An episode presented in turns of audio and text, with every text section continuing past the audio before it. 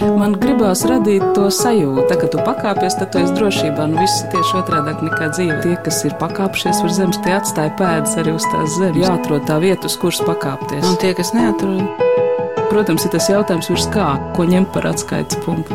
augstāk par zemi. Augstāk par zemi. Augstāk par zemi. Šai grāmatai ir um, tāds ievadzējols. Bet sen jau tas ir bijis viss kapu kokos, dzegūzes, plaudis, siltā vējā, un tad upē prom uz ziedēšanu. Trīs dienas jau kā atpūšos, tik viņiem atmeta ar dzeloņdrāšu žogu. Tas bija dzējos par gaļu kapsētu, par dzinieku Jāņa plaužu vecāku kapiem. un par to dzeloņdrāžu žogu ir tā, ka manā bērnībā manā auga vecāka kapvietiņas bija ļoti netālu, un manā auga mamma arī apkopa dzinieka vecākus un vecāku kapus. Un tur tiešām ap kapsētu vienu posmu bija dzeloņdrāts, jo tur kohos govs ganījās. Un tāds bērnības atmiņas. Dzēnieks Gaiķu Māris. Viņa trešais dzīslis krājums, traka lapsa pār ceļu, šopavasar iekļuva Latvijas literatūras gada balvas īsajā sarakstā. Un tas nemaz nav tik maz. Būt vienam no četriem pagājušā gada labākajiem dziniekiem, nu vismaz Latvijas žūrijas atzinumā. Esiet sveicināti, mans vārds ir Anna Bušvica, un es jau varētu turpināt minēt. Iespējams, ka žūrijas vēlme izcelt gaiķu māru dzējas krājumu iznākšanu veicināja arī fakts, ka šī dzēnieka grāmatas neiznāk nemaz tik bieži. Gaiķu māras dzējā debitēja 2006. gadā ar krājumu mugursoma, un tagad viņš ieguva arī Latvijas literatūras gada balvu par labāko debiju. Nākamais krājums - Gribu ēst sekoja 2011. gadā, un līdz nu pat iznākušajam traka lapsa pār ceļu bija jāpagaida vēl 12 gadi.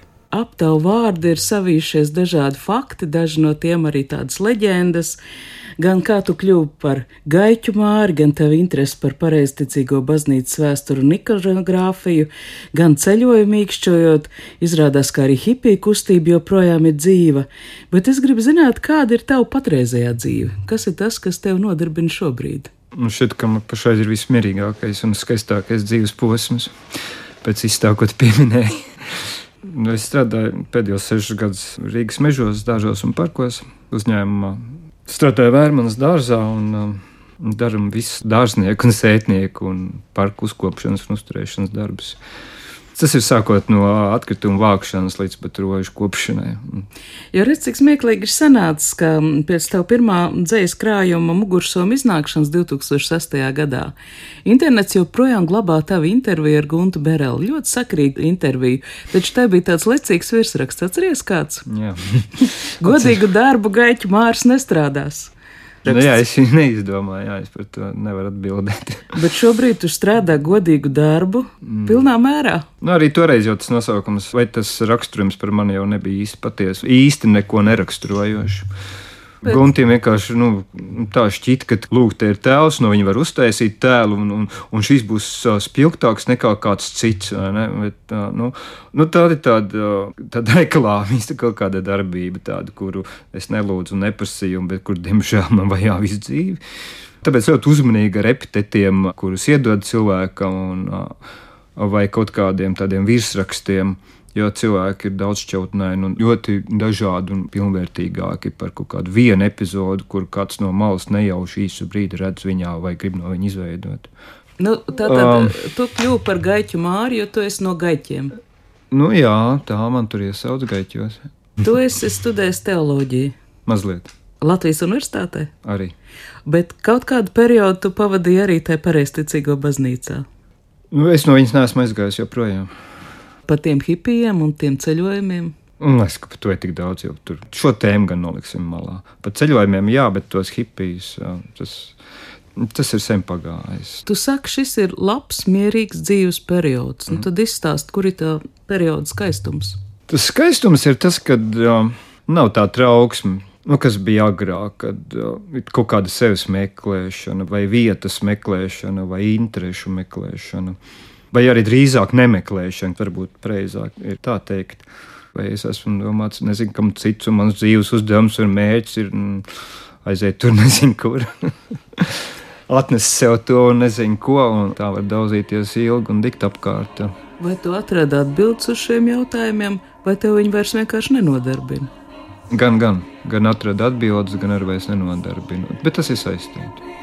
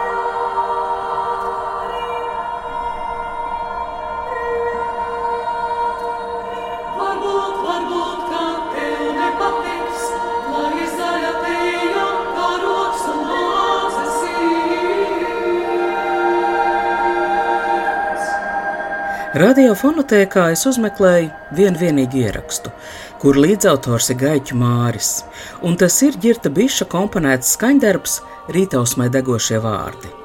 2011. gadā Latvijas radiokora diriģentam Sigvardam Kļavam radās ideja par radiokoru atskaņotu ciklu Litānija.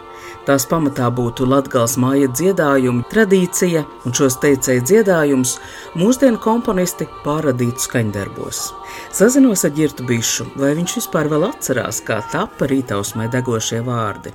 O, nu, Sigvards man piezvanīja un teica, ka ir šāds projekts un ir māja dziedājumi, kurus viņš pats ir savācis, un man tika iedot visi materiāli, bet es pašā sākumā sapratu, ka es diez vai gribētu tos dziedājumus iekļaut viņu pirmotnējā veidā mūzikā.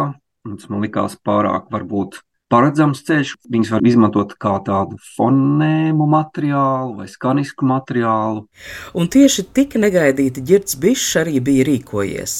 Viņam iedalīto melodiju bija teikusi Anna Bitāne no Bērspils, taču, kā to 2011. gadā avīzē Diena apraksta Ines Lūsiņa, Minimalistiskajā kora un elektronikas opusā pirmavots integrēts ne caur intonāciju, bet caur citiem matērijas impulsiem, caur skaņas spektru, pat elektroniski pārvēršot teicējas balsi meža putnu dziesmā.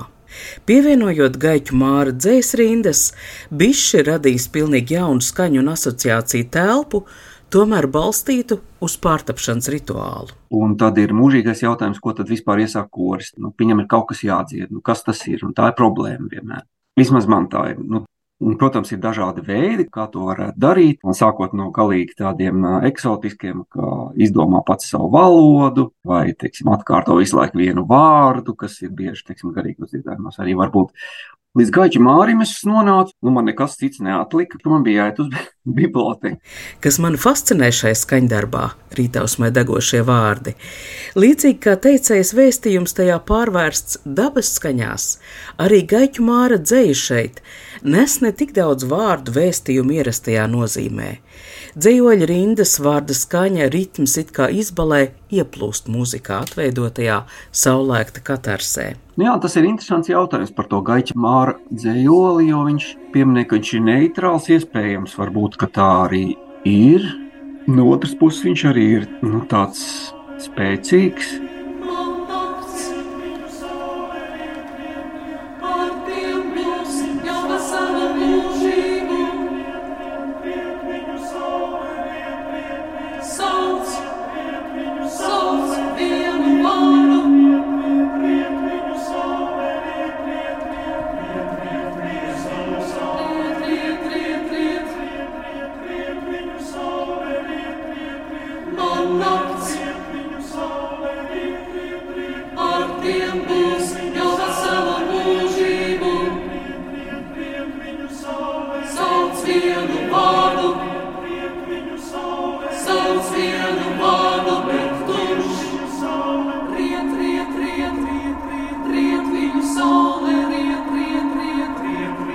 jā, man droši vien uzrunāja tas uh, riet, riet viņu saule, un tas man likās, jā, ka tas ir tas īstais pie kā varētu pieķerties, un tad tas pārējais arī viss uh, ap to kaut kā grupējas un savācis kaut kā.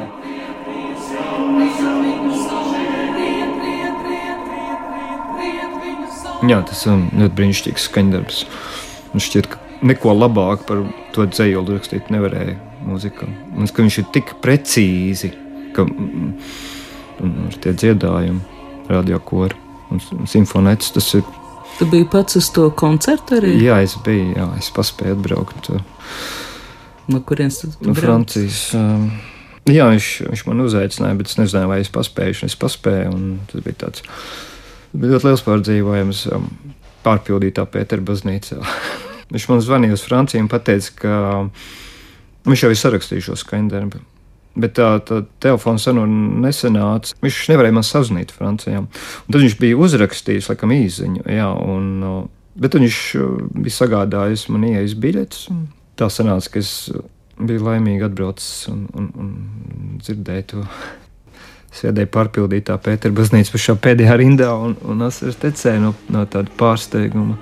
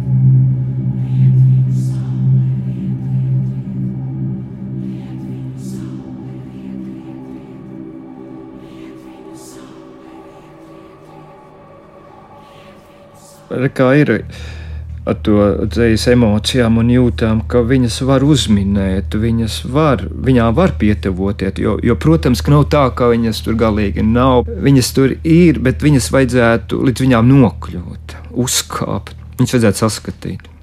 Vajadzētu lasīt kaut kā ar mani kopā vai, vai uzminēt. Ja, ja vēl par lasīšanu, tad es, es laikam vēlētos nolasīt tādu šī krājuma vai šī perioda, tad varbūt vairāk izsakošo. Jo šīs grāmatas pirmais nosaukums bija Miestmanu pasaka govs. Un tu pirmie prasīja par šo nosaukumu, vai es esmu šī traka labs pārceļ izdomāju. To pašā pēdējā brīdī ieteica Walters Dakša.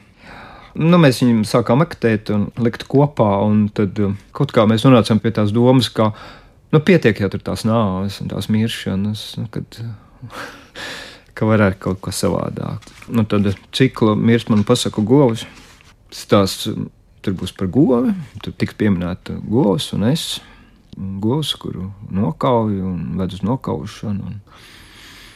Un tomēr, kad es jau viņu rakstīju, es zināju, kas ir šī govs. Es zināju, par kuru govu tur ir runa un, un, un kurai govī tas ir veltīts. Šī govs šajā dzīvolī ir mana mamma, kuru nosita, kuru piekāva un viņa mir no tā kad man bija trīs gadi. Un, un tā es biju vēlējies um, sarakstīt um, kaut kādu garāku dzējoli, vienkārši viņas piemiņai. Zeme bez zemes, zeme bez dibens, debesis samet visus savus kaķu kakas, samet saslauks un ziemeļaukas, samet samedīs, samet maisi un vēm, un vēm pievem klāt asins atmiņas visas, un ja pietrūks sazod, cik trūkst apsteigā mājas un zods, zods visu viņu atmiņas, nozods jo ir taču tas riebīgais rudens, tā lipīgā migla, un viņiem ir tik daudz atmiņu par mani, un tu to vari Nolādētā mugura brūnā, tev rāga lielās plēsīgās acis, bet nenāc, nenāc man nekad vairs klāt. Dedz, Dēdz sadedz tu miesu un asins, sadedz tu miesu un asins piens un asins, sadegot sadedz smirdi, kad snieg, nē, tu nespēji sadegt ilgi dēdz, bet nesadedz. Tavs acis lielās acis caur ugunī skatās, kur viņas skatās. Es gribu zināt, kur viņas skatās, un nezinu, ka viņas skatās uz mani. Caur dievas acīm saskatu tevi kamēr vēl deg viņas acis, ķermenis atvērtās, izvaldītās acis, spoguļi melnās acis, nedeg, nesadeg, jo trešo dienu tu dēdz, bet acis nedeg. Kas ir acis, kas ir tajās mirušajās acīs? Nē, tur nav uguns, nav nāve, nav gaisma, mierīga, liela, bezgalīga nāve, kurā skatīties Tavs acis ir tukšums, mans atspūgs viņās ir tukšums, pirmvērtība, nekustība, melnums un posma, degošs un nesadegošs sākums, sniegs krīt šai sākotnē un neaizsnieg, ne baltas, ne pilnas, ne viņu iespējas, kurām kaut kad vēlāk būs nozīme, no kuras radīsies jēga, jēga, kas dzemdinās prieku, dusmas, kokus, klintis, to nojaušamo viņpus upes krastu, bet sniega Viņa skatās, skatās un snieg un snieg.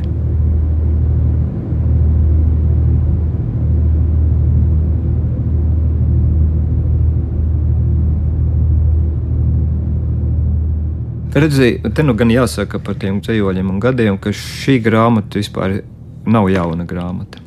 Šie dzīvoļi nav jauni. Vecākais ir 2002. gada, kas ir iekļauts. Pārējie ir no kāda 2000. 10, 11, 12, 13 gada. Tā kā viņi ir, viņi ir tā laika dzīvoļi. Šim dzīvoļu krājumam ir uh, nodaļa nosaukumi. Paskaidros, Jā. ko tas nozīmē. Testamenti, tēta, Grieķija, Orfejs. Nu, redziet, šī grāmata ir diezgan plāna, un visi šie cikli ir uh, iesākti, bet viņi nav pabeigti. Viņiem visiem varētu būt kaut kad turpinājums. Bet varbūt tu vari pakomentēt, kāpēc testaments? Bet tas būs ļoti banāli. Es pateikšu, ka vislabākais, ko es gribētu, lai mēs paliek tikai šie daži dzīvoņi. Gaiķu Mārs pats saka, ka šī krājuma nodaļas viņš vēlētos turpināt, taču neglabāt ilgāk šos dzējoļus datorā vai atsevišķās publikācijās periodikā Māri pierunājas draugs, novadnieks un izdevējs Valters Dakša. Gaiķu Māra dzēja vienam no retajiem ir tāda saprotama cilvēkiem un ļoti latviska, tīra, ar vērtībām un sirsnīga. Ka no vienas puses, man liekas, dzēniekam tas ļoti svarīgi, ka kādam viņa dzēja ir svarīga un, un viņš uzstāja, lai tāds krājums taptu. No otras puses, nu jā, šis krājums ir mazliet, arī Mārs pats atzīst, ka tās ir piezīmes vēl topošajam krājumam.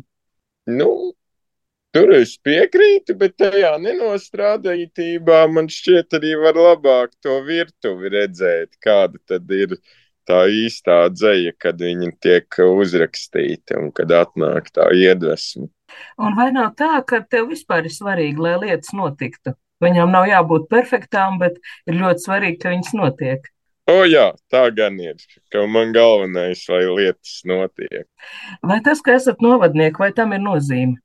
Noteikti tam ir nozīme. Nu, vietējie apstākļi ir ļoti pazīstami, un tā vide, kurā Gaita Māris ir audzis un veidojies, arī man ir pazīstama. Ir skaidrs, kur ir gaļķi, kur ir ruba, kur ir zaņa, kur ir pampāļi un tam līdzīgi. Arī par nosaukumu, par šī krājuma nosaukumu, par traka lapas pār ceļu. Es saprotu, ka tā ir bijusi tava izvēle. Tā bija mana izvēle, jā. Nu, tad paskaidrot to, kāpēc lapsai jābūt trakai. Es domāju, ka Gaita Māris pats ir diezgan traks, un uh, tas daudz labāk raksturo arī visu to krājumu noskaņu kas diezgan skumīgi ir arī krājumā dzējolis, traka laps pār ceļu. Jo, ja vēlēsies ar varu nolasīt, vienīgi man tā būs pirmizrāde, tad droši vien Brīnišķīgi. vismaz pārlasīt. Es savus dzējoļus no malas neesmu dzirdējis. Nu, pēdējo reizi publiski maiņā. man šķiet, es lasīju, ja neskait tādu mazu šīs grāmatas prezentāciju, kas notika manā dzīvoklī, kurā bija seši klausītāji. Vairāk neatnāca. tu man uzaicināji dzīs dienās pie Raina 2017. gada, un tas bija pēdējā reize, kad es 5 minūtes tur lasīju. Un tad varbūt nākošo nolasīs tu. Sarunāts. Sarunāts. Mācītāja mūža, no šejienes tev var redzēt, spīd sauli caur sietu, caur sietu, čivina visādi putni, traka lapsa pār ceļu, tāds klusums, motorzāģis tālu mežā, atkal vakars, lido stārķis, varde nelec vairs. Kas tur tā zuzina? Jūnija vējš vai eņģeļa spārnus, varbūt tikai ausīs tāpat telefons stāv vien rūts. Ziņas, kliedzieni, pavēles, sitieni, bezmiegs pārdos tevi, mācītāja mūža, tāpat kaut kad, kā teļu, cūgaļu, kā pērnos kartupeļus, tā traka lapsa pār ceļu guļ beigta. Un tomēr, kāpēc tā lapsa ir traka? Nē, es tieši par to nebiju domājis. Tur nav tā, ka katrā vārdā ir, būtu ļoti liela um, poētiska atbilde. Lapsas um, bieži ir trakas laukos. Tad, kad cilvēki ierauga laukos lapas vai pilsētā, tad biežākā doma ir tas, ka tā lapas ir traka, jo citādi jau lapas mājās nenāk vai apdzīvotās vietās. Tā arī ir tāda cilvēka attieksme. Nu, to tā varētu tagad piedzīvot klāt. Ēzeļs samtēnais purniņš, grieķieti vakara krēslā, caur manām ribām pret tevi neprasot iegribai pielīpa. Klusums no pirtiņas sirmās vibrē kā telefona drāts, atkal uzaugs mēnesis, izseņ lēkā ap tevi. Vēl mazliet un robežu atradīs mani, guļot pie miruša strauta. Grieķiet iemirdzas liesmo, bet klusē.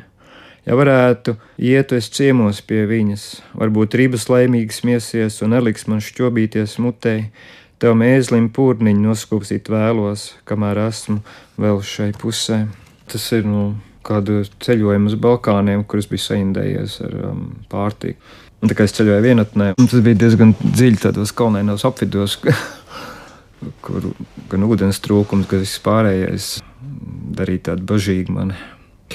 Lāk izrādījās, tā bija salmonelloze un pēc vairāku dienu vemšanas un diezgan tāda ārprātīga stāvokļa tiku līdz uh, apdzīvotām vietām. Un, uh, tas par to grieķiju liesmojošo skatu saurietā. Es gulēju gravā un garām dzinām grieķu sievieti aitu ganāmpulku saurietā, kā lojošā.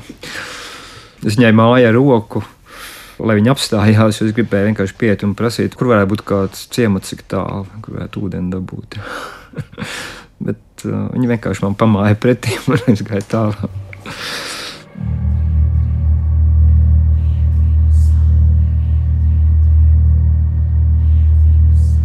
Ceļojumos notiek brīnumainas lietas, un kādā no intervijām Gaiķu Māris piemin arī satikšanos ar Rozentālu dzimtu un tās cilvēku stāstiem. Tie nav senči tiešie, tie dzimtas, dzimtai piederīgie Rozentāli. Tas nu, tur, tur garš stāsts ir.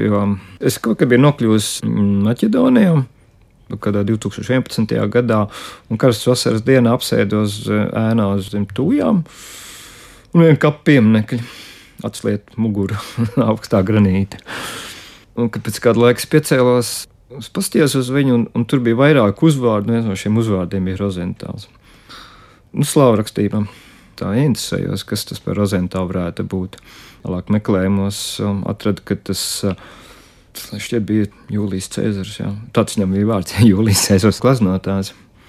Tad es atradu internetā, kas ir šie rozentāli Bulgārijā, Maķedonijā. Tā ir tāda dzimta, kuras saknes ir sākušās Čehijā, tad Polijā, tad Krievijā, ceru laikā, un tad Bulgārijā. Tur viņi ir krituši divi brāļi. Viens ir brālis gleznotājs, otrs dzinieks. Viens gleznojis freskas baznīcās, un cits mākslas darbs, un otrs ir dzējojis. Un abi jaunībā ir krituši trešajā Balkānu karā pret turkiem, nu, cīnoties par Bulgārijas un, un, un Maķedoniešu tautu brīvībām. Un kā viņi ir nokļuvuši, ka viņu tēvs, Barons Augusts Rozentāls, ir izsūtīts uz Sibīriju bijis savu laiku, jo viņš ir nelikumīgi atlaidis savus dzimtcilvēkus, devis viņiem brīvību. Vēsturē pazīst kā brīvdomātāju Augustu Rozentālu, kurš ir nesaskaņot ar cara valdību, ir devis brīvību saviem dzimtcilvēkiem. Jā, un tas par šiem rozentāliem Visi rozentāli nav radinieki, bet šis uzvārds ir cēlies no kopdzimtes. Šis konkrētais barons Augusts Rozentāls, viņš ir nonācis Polijā 19. gadsimta sākumā, Rožmitelis, kas ir Čehijā. Tā ir bijusi Rozentāle, kad vācieši jau tur dzīvojuši. Nu, šādas pilsētas Rozentāls, Rozendāls, kādas nu, Vācijā trīs, un Čehijā viena, Polijā divas. Visbiežāk ar uzvārdu Rozentāls nāk no šīm vietām. Cits nodaļas nosaukums Orfejs. Šis tēls no vienas no domājamām Orfeja apmeklējumiem. Tādas ir? Jā, tādas pat tādām uh, uzskata. Vienu uzskata Grieķijā, vienu uzskata tagadējā Turcijas teritorijā, Antālijā, rietumdaļā, nu, kas bija agrāk ļoti helenizēta un kur Grieķi dzīvoja. Un viena ir tagadējā Bulgārijā, netālu no Grieķijas robežas. Tā ir ļoti iespaidīga ala, ļoti dziļa un ļoti liela. Un redzēt, nokāpt Orfeja alā, kas ir nu, gandrīz 100 metrus dziļumā, un tāda liela. Un, un tur paliek vien augsts, un tad ir siltāks, un tad ir mitrāks, un tad ir tādi tā kā tvaiki, tad ir tā visas brilles apraso, un tad tur ūdens kritums iekšējais ir, kas tur gāžās un strauts. Un tā sajūta ir, ka tu tiešām esi ļoti tuvu aīdu valstībai. es pavēlāk tur stāstu, ka lasot tādas geoloģiskas izpētes par šo ālu senatnē, ka tur tiešām ir kāda indīga izgarojuma. Nokāpt orfeāts nozīmē, nu, ka tu varētu neatgriezties no viņas vai nu nonākt kādā stāvoklī, nu, kas var izmainīt tavu apziņu, ja tu iznāc ārā. Nu, jā, tas arī dod tādu dzinieku orfeju, tādu, tādu, tiksim, tādu ka tāda iedomāta satikšana. Nu, daži pētnieki saka, domā, ka, nu, jā, ka šis orfejs varētu būt trāķiešu varonis, un tie ir trāķi apdzīvoti apgabali, seno trāķu. Šī divi Bulgārija vai Bulgārijas centrālā daļa arī pat. Arī Dionīs ir nu, seno trāķiešu dievs, augkopības, vinkopības. Tas varētu būt tāds ielēju, kur nodarbojās ar lauksaimniecību un šie mežonīgie kalni, kur vairāk ir gani un dzēnieks. Viņš varētu būt tāds, nu, daži drosmīgi saka, ka tie tiešām varēja arī būt kādi vēsturiski personāži, kuri šādā veidā ir saglabājušies folklorā. Un, nokāpt tik tuvu vai pieskarties tam, kas ir šos sengrieķu trāķiešu mītos aprakstīts un kuriem ir tūkstošgadīgā tā slava, tas pieskāriens nonāk tieši tur. Ļoti gribas tā, nu, tā iekšēji to mm, saglabāt, vai izbaudīt, vai uzrakstīt kaut kādu dzējoli, kā tādu testamentu sev, ka tu tur esi bijis, ka tas tev ir svarīgi. Kāpēc tu man esi atvedis šeit, vai tiešām tev likās, ka es to vien kāroju, kā iet gar kalnu upes stāvo krastu un reibt, ik mirkli gribēdams to mežonīgo skaistumu redzēt. Nē, man nebija nekāda prieka tev sekot, lielā ātrumā traukties caur kanjoniem pār nedrošiem tiltiem, šķērsot ar vien dziļāku un dziļāku izmisumu sevī. Ko gan tu, Orfei, tagad gribi no manis? Es nespēju apbrīvot tavas salas, ne tos tvaigus no mirušo valstības, varbūt vienīgi stīgas uz tavas arfas, bet tu taču neļausi pieskarties tām. Tas bija tik vienkārši skatīties no vienas virsotnes uz otru, tālumā tur un daudz augstāku vēl, un viņu bija kā mākons, kā ēna zilga liela, nekad nesasniedzamā nē. Kalni čukstēja nomierinošos buram vārdus, visas mazās zilās puķītes teica nē, tu tikai nepaliec, te nepaliec, nepaliec, ej atkal mājās, skrien, lido, un mēs tev negaidām atpakaļ vairs un es skrēju, lidoju mājās, kalnu vairs nepietrūks, ne viņa lielā zilganā ēna, kas iesniedz stālu, dierviņu pamalēs līdz rīta zvaigznēji. Jā, neatskatījos uz virsotnēm sniegiem, skatījos uz tevi, man tikko dzimusī bērnība, un domāju tikai par tevi, kas sagaida to, un man šķita, ka miers. Kādos brīžos tev rakstās? Man liekas, ka nav tādu brīžu vairs. Vienmēr. Bet kā tu zini, ka tas ir dzējols? Oh, mm, to es nezinu. Tad, kad viņā varētu drīzāk būt kāds kamols, tur apvēlēs, jā. kad varētu just tādu pilnu elpošanas ciklu, vai tad, kad es viņu saskatu kādu pilnību, kas man šķistu pilnību, tas var būt arī mirklis, jā, bet kaut ko, kas ir varbūt sācies un nonācis atpakaļ līdz tam sākumam.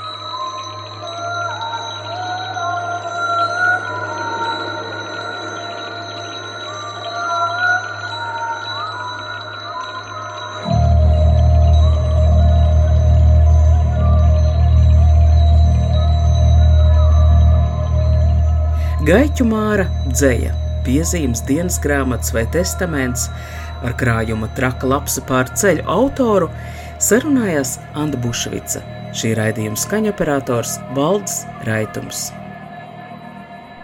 Tā, ka tu pakāpies, tad tu esi drošībā. Nu, viss ir tieši otrādi nekā dzīve. Tas ir tā spēle, jā. Tie, kas ir pakāpšies uz zemes, tie atstāja pēdas arī uz tās zemes. Protams, ir tas jautājums, ko ņemt par atskaites punktu. Nē, nu, principā ir skaidrs, augstāk par zemi. Jāatrod tā vieta, uz kuras pakāpties. Augstāk par zemi. Augstāk par zemi. Augstāk par zemi.